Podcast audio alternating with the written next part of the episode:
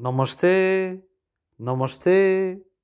De vriendelijkheid straalt van hun verweerde gezichten, gebutst en gebruind door jarenlange blootstelling aan de elementen. Ik groet vriendelijk terug. Van een glimlach ontdooit tenslotte ieder hart. Kinderen roepen mij na, willen met mij op de foto en werpen wolken van stof op als ze meerennen het idyllische dorpje uit. Voor even waan ik mij een toeristische attractie. Wie? Kijk naar wie? Vraag ik mij af. Aangetrokken door inspirerende verhalen van reizigers die mij zijn voorgegaan, heb ik een ticket geboekt naar Nepal. Het land van de goden en de bergen, van immense Himalaya-reuzen en de wereldberoemde wapperende vlaggetjes.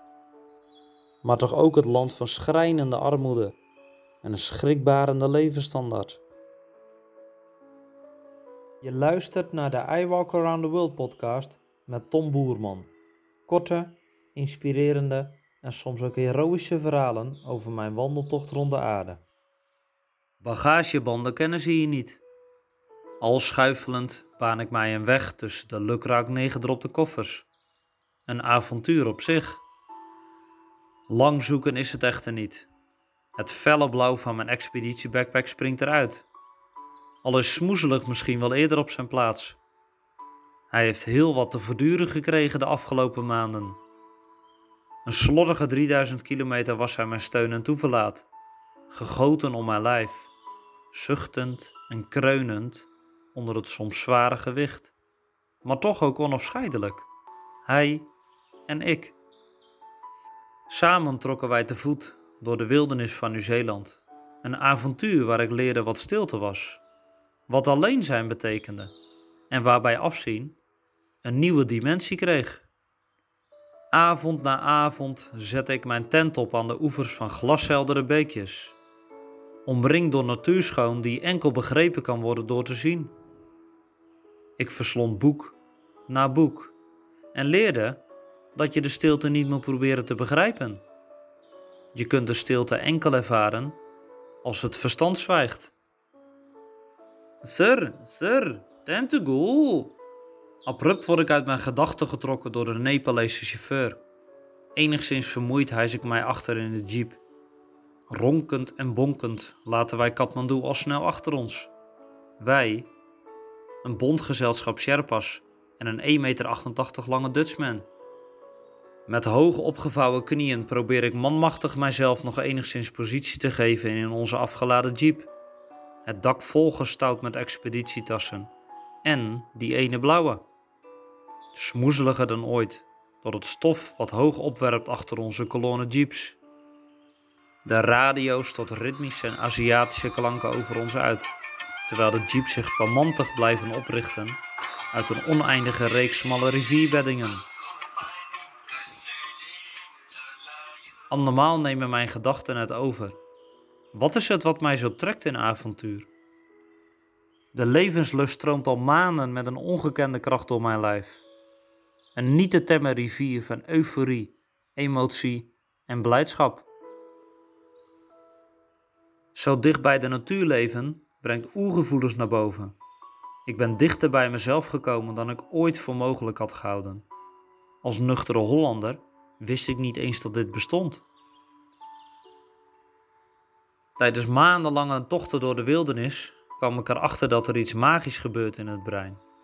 Als je niet aan jezelf en je eigen gedachten kunt ontsnappen en je volledig op jezelf aangewezen bent, ontwikkel je een bijzondere zelfliefde en waardering voor wie je bent als mens. Een bijna duizelingwekkende ervaring die bijzonder veel indruk heeft gemaakt op mij.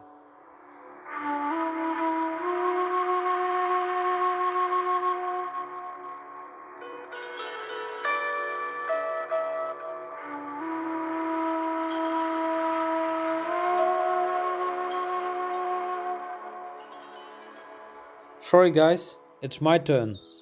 De twee kleine Sherpas naast mij buigen naar voren, zodat ik eindelijk de ruimte heb om even een half uurtje tegen de achterbank te leunen. Het is krap achter in de jeep en hierdoor passen alle schouders eenvoudigweg niet naast elkaar.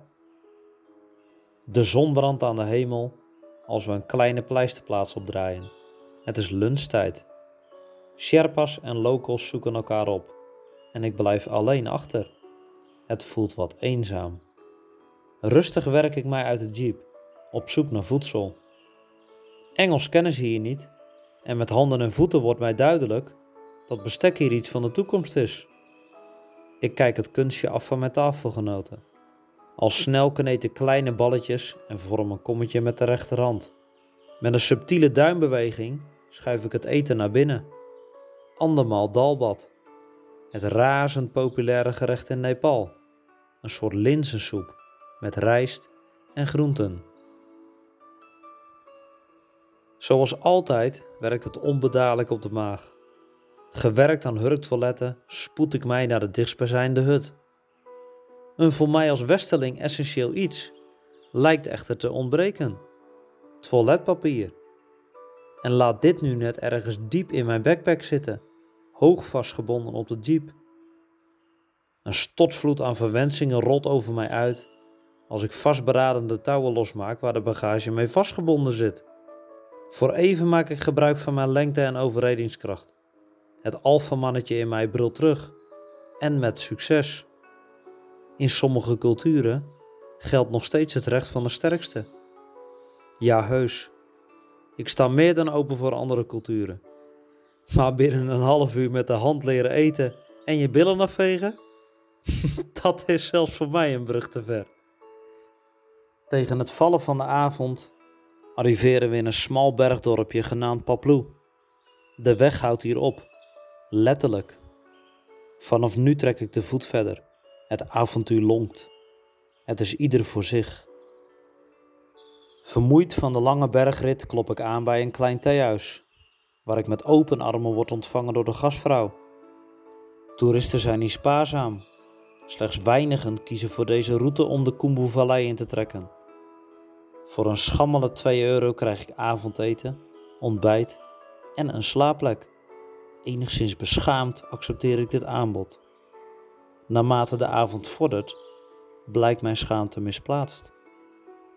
Ik word opgenomen in deze trotse Nepalese familie als zijnde een bloedeigen verwant. Thee vloeit rijkelijk en we schaten lachen wat af. Wanneer de nacht invalt, gaat de gastvrouw mij voor op de gevaarlijk krakende houten trap. Met een zwaai opent ze mijn verblijf voor de nacht. Een smalle bedsteek kijkt mij uitnodigend aan. Als de knip op de deur valt, slaak ik een zucht van verlichting.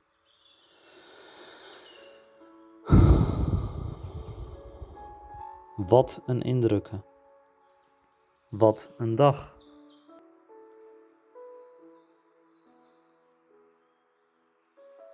Verwarming kennen ze hier niet.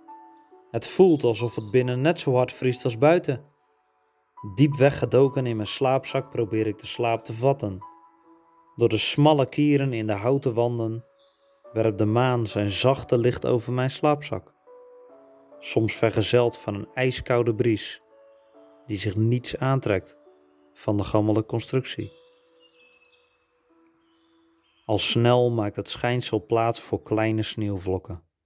Met deze vredige aanblik val ik in een diepe slaap. Ik droom over avonturen, grootser en meeslepender dan ooit tevoren. Dagenlang trek ik over heuvels, heuvels die overgaan in bergen, over slingerende bergpaadjes die van groen langzaam veranderen in wit, slechts onderbroken door eindeloos lange handbruggen, over wildstromende rivieren, vervaarlijk slingerend in de wind en gekleurd met de oneindige slingers van de welbekende Nepalese vlaggetjes. Ik voel mij mens, meer dan ooit. Voorzichtig begin ik te dromen over een bestaan als avonturier, hoe ik dit zou kunnen koppelen aan een goed doel, en ik realiseer mij: dit zijn de eerste tekenen. Dank voor het luisteren naar mijn eerste podcast ooit. Christopher McCandless van de film Into the Wild zei ooit: Happiness only real when shared. En dat is exact wat ik ga doen de komende jaren. Ik nodig je uit om mee te gaan op reis, en het avontuur door mijn ogen te beleven via mijn maandelijkse podcast. Meer weten? Kijk dan op www.iwalkaroundtheworld.nl